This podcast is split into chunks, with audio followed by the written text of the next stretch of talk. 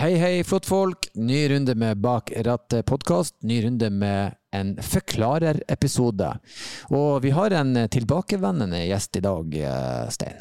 Ja da, nok en gang så har vi fått Alexander Wiik eh, til showrommet til Bertil Osten i Bjørvika. Og vi har snakket litt om noe som nok ganske mange, særlig foreldre, tenker på. Og det er jo hvordan skal man enklest mulig få ungene gjennom eh, kjøreopplæring? Altså Hvordan skal de få førerkort, og ikke minst litt om hva koster det egentlig? Mm. Grei, eh, grei, avklaring der. Gode tips eh, til hva man kan gjøre. Og eh, konkrete tips. Og også litt på motorsykkel, siden jeg er litt inne i den verden. For meg var det i alle fall veldig oppklarende. Absolutt. Det er alltid greit å kjenne en kjøreskolelærer. Ja, det er i alle fall ikke en ulempe. Så nyt vår eh, prat med Alexander Wiik, men før det noen ord fra vår sponsor.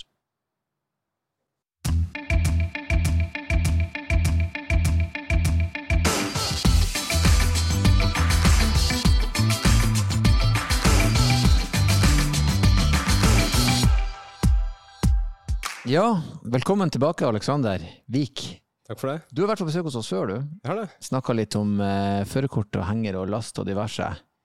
Uh, du driver uh, Råholt trafikkskole. Det stemmer. Det er riktig, det. Og vi, uh, si, vi har jo de her forklarerepisodene for å ta opp litt sånn tema som lyttere og folk etterlyser svar på. Og denne gangen, Stein, så er det hva du valgte å kalle det Veien til førerkortet? Veien til førerkortet det er jo en, uh, egentlig en boktittel, er det ikke det? Det er liksom en sånn uh, klassisk uh, som alle tar, da. Men jeg tenker at det er jo mye som har forandra seg når det gjelder føreropplæring de siste si 25-30 åra. Så det kan jo være greit for en del av de av oss som har hatt førerkort en stund, og som nå har unger som skal ta førerkort, litt grann innføring i hva som faktisk gjelder, og en liten idé om, om hva som skal til, og hva man kan bidra med da, for at eh, det skal bli lettere å få tatt det førerkortet, og ikke minst at vi skal få trygge bilister ut på veien. Ja, absolutt. Eh, jeg, er liksom litt sånn nysgjerrig. Du som er kjøreskolelærer, er det noen trender som har endra seg når det kommer til førerkort? Er det liksom samme folkene? 18-åringer som står og venter, eller er det voksne folk, eller er det færre, eller er det mer, eller? Jeg tror det er veldig betinga til hvor i landet man befinner seg. Mm. For oss som er fra litt utkanten, så er det fortsatt veldig vanlig å ta det når man er 18 år. Men man skal ikke så veldig nærme Oslo før man ser at uh, snittalderen stiger betraktelig. Mm. Ja, for i Nord-Norge så er det veldig sånn 18 år, du er nesten nødt til det, fordi det er avstand. Ja, men du har jo sikkert noen der også som flytter til Oslo for å studere eller gjøre noe annet. Da. Så er det kanskje ikke så prioritert hvis du bor sånn til at du ikke trenger å kjøre bil akkurat hver dag. Mm. Ja, absolutt. Jeg, jeg, kan ganske lett se for meg at hvis du bor i Oslo sentrum, så er det mer stress å ta bilen enn å bare hoppe på en trikk. Men eh, hvis du skal vente på trikken i Bodø, da blir det å vente en stund. For den er ikke der. Så det, det er veldig enkelt. Da må du ha en, eh, må du ha en uh, bil. Men eh, eh, sånn rett og slett, eh, dette med, med, med, pris er jo noe som ofte blir nevnt, at det er blitt så dyrt å ta lappen. Er det vi gamlingene som påstår det, eller, eller er det like mange som tar lappen? Du, merker du til at prisen har noen betydning, egentlig? Jeg merker jo at folk spør om prisen, men jeg mm. tror i det store og hele så har det ikke så stor betydning. Prisene jevnt over er ganske like. Om det er noen som er 10-20-50 kroner forskjell per kjøretime, så er det ikke det som avgjør noe i det store og hele. Det er litt forhold til trafikklæreren og hvor flink han er til å få deg gjennom det på en god måte, som egentlig avgjør hva summen blir til slutt. Mm. Nå er Det selvfølgelig, det blir nesten sånn hvor langt det er tau, men hva koster lappen hvis du skulle anslå? Hva man må kanskje regne med? Nei, Det kommer jo selvfølgelig an på hvor mye man kjører hjemme, men hvis man kjører sånn passe hjemme, så har man eh, langt på vei ofte eh, med 25 000 kroner. Mm. Men hvordan er dette med føreropplæring? Den starter med trafikalt grunnkurs, ikke sant? Ja, Hvis du er under 25 når du begynner, så må du ha trafikalt grunnkurs. Er du over 25, så må du ha den biten som omhandler tiltak ved trafikkulykke, eller førstehjelp, da, som man kaller det, og mørkekjøring. Da. Akkurat. Så da er det litt mer begrensa hva du må ha i basis. Ja, det er kun det som eh, må til. Ja, og når du har, eh, enten er over 25 eller har trafikalt grunnkurs, da kan du begynne å øvelseskjøre. Da kan du begynne å øvelseskjøre. Er det noe krav til den som du skal øvelseskjøre med? Den må være over 25, og så må den da ha hatt eh, lappen sammenhengende de siste fem åra. Og den sammenhengende biten er det fort gjort å glemme seg på da, hvis man har vært litt ivrig hjem fra hytta en eh, søndag og vært noen måneder uten førerkort. Mm. Ja, Men det er ikke noe sånn nå at eh, den som skal være eh, veileder, trenger noe kurs, eller noe sånt som det var ikke det en liten stund nå? Nei, det har vært oppe til forslag. Det er jo sånn i Sverige, blant annet. Eh, Men det er ikke noe krav til det. Men eh, kanskje lurt at man tar en eh, liten kjøretime hos en trafikkskole på et litt tidlig tidspunkt, kanskje?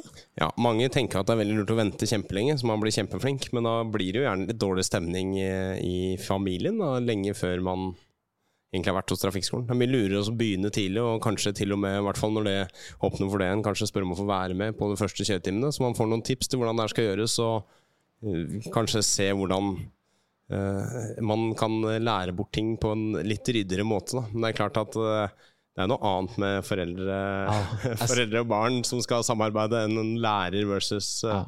Jeg skulle til å si det. Jeg jeg øvelseskjørte én gang i lag med mora mi, og jeg var altså så redd. For hun 'Pass på stripa, pass på stripa!' og ropa og alle. Så jeg, jeg, sa til henne vi må bare dra hjem. Men jeg øvelseskjørte med stefaren min. Han var veldig rolig og fin. Og, så vi kunne gjøre det. Men jeg og mamma var ingen match. Jeg tror det pedagogiske du nevner der, er et veldig godt tips for en som skal øvelseskjøre med en ung håpefull. Bli med og se, rett og slett. Ja, og så er det noe med det å gjøre det litt lysbetont fra starten av, da. Mm. Med motivasjon og sånne ting. Og så er det jo sånn nå at, det har vi snakka om på en podkast tidligere også, eh, man må jo ta et valg da når man skal ta førerkort. Om man skal ta førerkort sånn at man kan kjøre både manuell og automat, eller så er det et eget førerkort hvor du velger å bare kjøre automat, ikke sant? Det stemmer. Det er eget førerkort eh, for manuell gir. En egen oppkjøring, da. Hvorfor er det det? Nei, det er jo litt mer krevende å kjøre manuelt gir. Krever jo spesielt på de tekniske ferdighetene, så det gjør jo litt at fokuset kommer kanskje litt bort fra trafikken hvis man ikke helt vet hvordan man skal gire. Så det er vel egentlig derfor. Det må jeg si at det, det var nytt for meg. For når, selvfølgelig når jeg kjørte opp, så var det manuell ferdig med det. Sånn, hvis, du, hvis du hadde god råd, så hadde du bil med automatgir, men de fleste hadde liksom eh, manuell kasse. Men vet du om når det kom inn, og eh, er det virkelig sånn at hvis du da kjører opp på automat, og da kjører en manuellgirbil, så får du bot, eller kan bli stoppa, eller Altså Per definisjon så er det jo ikke lovlig. Akkurat når det her ble innført, veit jeg ikke, men det, det er ganske mange år sia. mm. Um, men ja, du har jo per definisjon ikke lov å kjøre en bil da med manuellgir. Mm. Hvorvidt de som stopper deg, faktisk sjekker koden i førerkortet, er jo en annen diskusjon, men det har ikke jeg lyst til å spekulere i, selvfølgelig. Nei, så klart ikke. Hmm. Men, men merker du at det er færre da som velger manuell kasse? Ja, det er færre og færre. Igjen da, så er det litt sånn uh, betydning på hvor i landet man holder til. På bygda så er det fortsatt populært med gamle biler og Ja. manuell kasse, mens uh, litt nærmere byen så er det populært med nei, automatgir. Og så er det også det at hva har foreldrene, og hva har du tenkt å kjøre sjøl, har jo selvfølgelig en betydning. Så vi merker en stor økning i antall som kjører på automatgir. Men det er jo litt rart hvis du tenker på at eh, du har ikke lov å kjøre en, eh, en, en, en Opel Kadett med manuell girkasse og 64 hester, liksom, som bruker eh, 22 sekunder til 100. Det har du ikke lov til å kjøre, da, men du kan kjøre en, en ny elbil som akselererer fra 0 til 100 på 2,3 sekunder. Det er greit, for det er automatgir. Så det er jo litt sånn eh, Jeg tenker man det er jo mange ting man må beherske i bil. Det er, litt sånn, er det ikke litt gammeldags på en måte at akkurat automatgir manuell er det skillet? Jo, personlig syns jeg det, og jeg vet at bransjen er litt delt der i hva de syns, men jeg mener at argumentet med at ja, hvis du skal ha en gammel veteranbil f.eks., så må du kunne det. Men nå er det så mye annet i tillegg som du må kunne hvis du skal eie en sånn bil som står her, da. Eh, Sammenligna med en moderne bil. Ja. Eh, at forskjellen er så stor uansett, ikke sant. Bare å ja, sjekke olja, liksom. Mm. Gjør ikke det på en elbil, akkurat. Men ok, da har du, du har, si, du er, eh, si du er under 25, da, så har du tatt trafikalt grunnkurs, og så skal du begynne å kjøre. Men hvor mye av kjøreopplæringen er obligatorisk? Det er ikke så mye som er obligatorisk som folk tror, men trafikkopplæringa er delt inn i fire trinn. Man begynner alltid på trinn to. Trinn én er grunnkurs, trinn to er det tekniske kjøreferdigheten. Og så heter det seg sånn i trafikkopplæringsforskriften at du skal ikke videre til neste trinn før måloppnåelsen på forrige trinnet er nådd. Så det er i prinsippet bare én obligatorisk trinnvurderingstime på trinn to, og en obligatorisk på trinnvurderingstime på trinn tre. Og så blir det da obligatorisk sikkerhetskurs på bane, som i gamle dager het glattkjøring, som mange fortsatt kaller det. Og så er det sikkerhetskurs på vei. Og det utgjør til sammen da 19 timer obligatorisk. Så det er ikke sånn fryktelig mye egentlig, men ofte så må man jo gjerne innom noe mer før man er helt i mål, da. Mm. Har du noen sånn konkrete eh, si, økonomi-sparetips? Hva er lurt å gjøre for både foreldre som har unge håpefulle, og folk som vil ta lappen? For det første så er det det vi var inne på, gå tidlig til en trafikkskole. For det at du går tidlig der, betyr ikke at du må kjøre hver uke i to år. Men det betyr at du kan legge en plan, langsiktig plan sammen med trafikklæreren, forklare oppgaver og forklare tips til hvordan man kan øve hjemme, og hvordan man kan gå fram. Eh, Det er kanskje å ta og bla en eh, liten runde i eh, læreplanen, hva som stilles av krav, hva skal du kunne, sånn at du kan jobbe med det hjemme. Og så er det det å øvelseskjøre mye, rett og slett. Mm. Eh, Er det noen krav til kjøretøy? Kan man øvelseskjøre med automat eller manuell, eller så er det noen krav der? Nei, så lenge ledsager har førerkort til den klassen eh, det kjøres for, så har den lov å øvelseskjøre. Så du kan kjøre med henger til og med, du kan kjøre med passasjerer, med varebil. Mm. Det spiller ingen rolle så lenge det er innafor klassen. Mm. Og så L i bakruta, da. L i bakruta, selvfølgelig. Og ekstra innespeil, da, som mange synder på. Så Ja, for det skal man ha. Det skal man ha. Og vi bruker jo to i våre biler, og det er egentlig noe jeg anbefaler når folk skal øvelseskjøre hjemme. Ha ett speil hvor du sjøl kan se bakover, og så har du ett speil hvor du kan følge med på fjeset og øynene til den som kjører. For da slipper du hele tida å spørre Ja, så du skiltet? Så du fotgjengeren? Du kan bare gløtte opp og se om de faktisk følger med. Mm. Ja. For det er jo litt sånn eh, Man har jo et ansvar når man øvelseskjører. Man må følge med og ikke sitte og slappe av eller sitte på mobilen. Ja, juridisk så er det jo du som er sjåfør, som er ledsager, helt til eh, vedkommende har ørekort. Så da kan du ryke på en eh, liten mobilsmell hvis du f.eks. sitter og prater i telefonen under øvelseskjøring. Ja, det hadde du ikke tenkt på, Erlend. Nei, det må jeg ærlig talt si. jeg har ikke begynt å øvelseskjøre ennå med, med, med ungene mine, det må jeg si. Det kommer vel etter hvert. Men det kan man jo faktisk også gjøre, ikke bare klasse B, da, men eh, motorsykkellappen så kan man jo òg øvelseskjøre Ja. sammen eh, på to sykler. Kan du si litt om kravene til det? da? Det er jo mange som vil realisere en drøm. Ja, først og fremst så må jo ledsager ha en motorsykkel som kan ta igjen da sykkelen foran, og i prinsippet betyr det med andre ord da en litt eh, større kubikklasse gjerne da. Mm. Det er typisk at man begynner å øvelseskjøre på 125 kubikk, så da er det lurt at ledsager ikke har lettsykkel selv.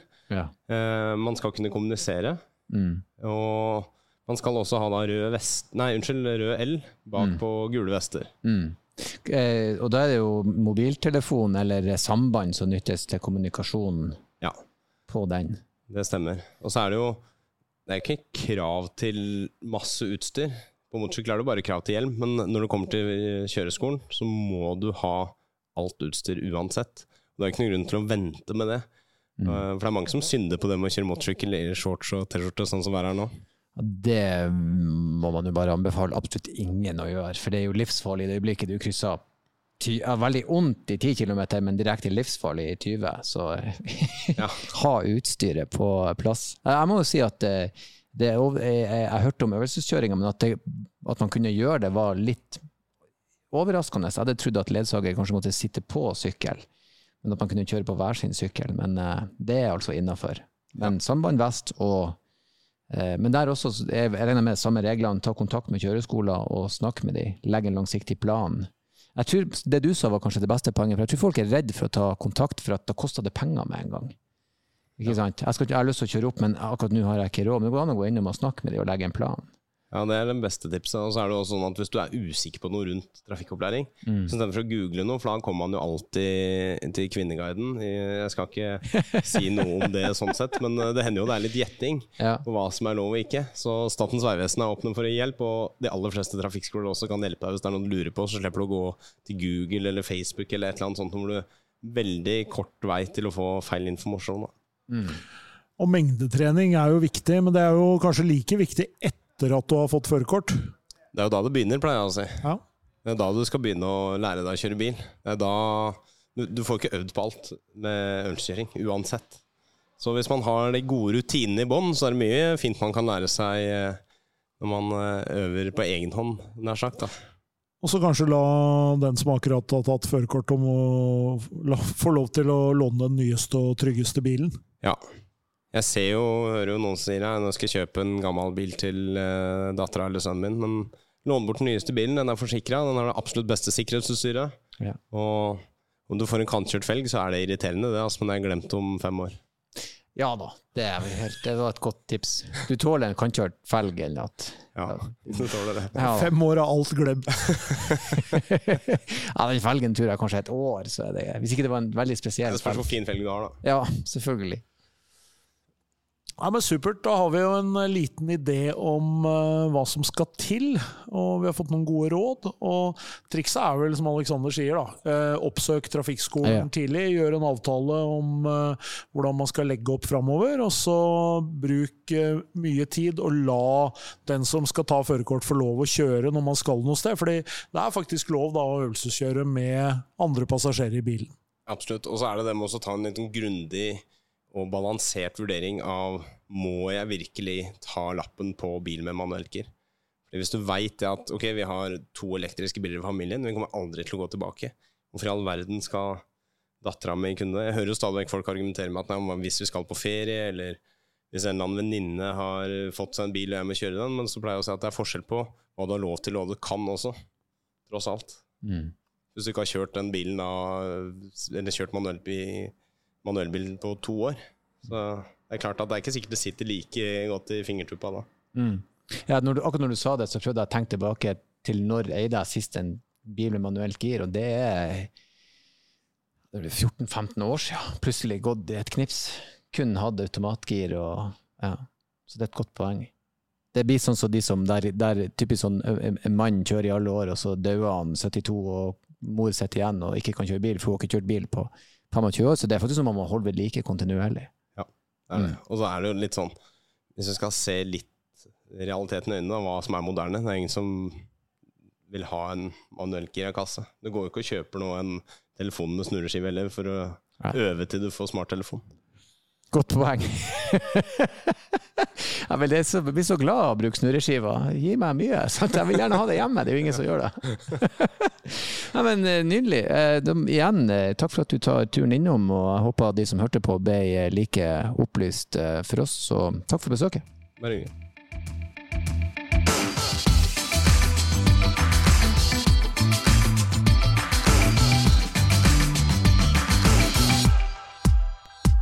Hei folkens, som vanlig så hopper jeg inn på slutten her og minner om at dersom det er et tema du ønsker vi skal gå litt dypere inn i og prøve å forklare og komme med litt kunnskap om, så ta nå endelig kontakt med oss. Du kan sende oss en e-post til eh, bakrattet.bos.no.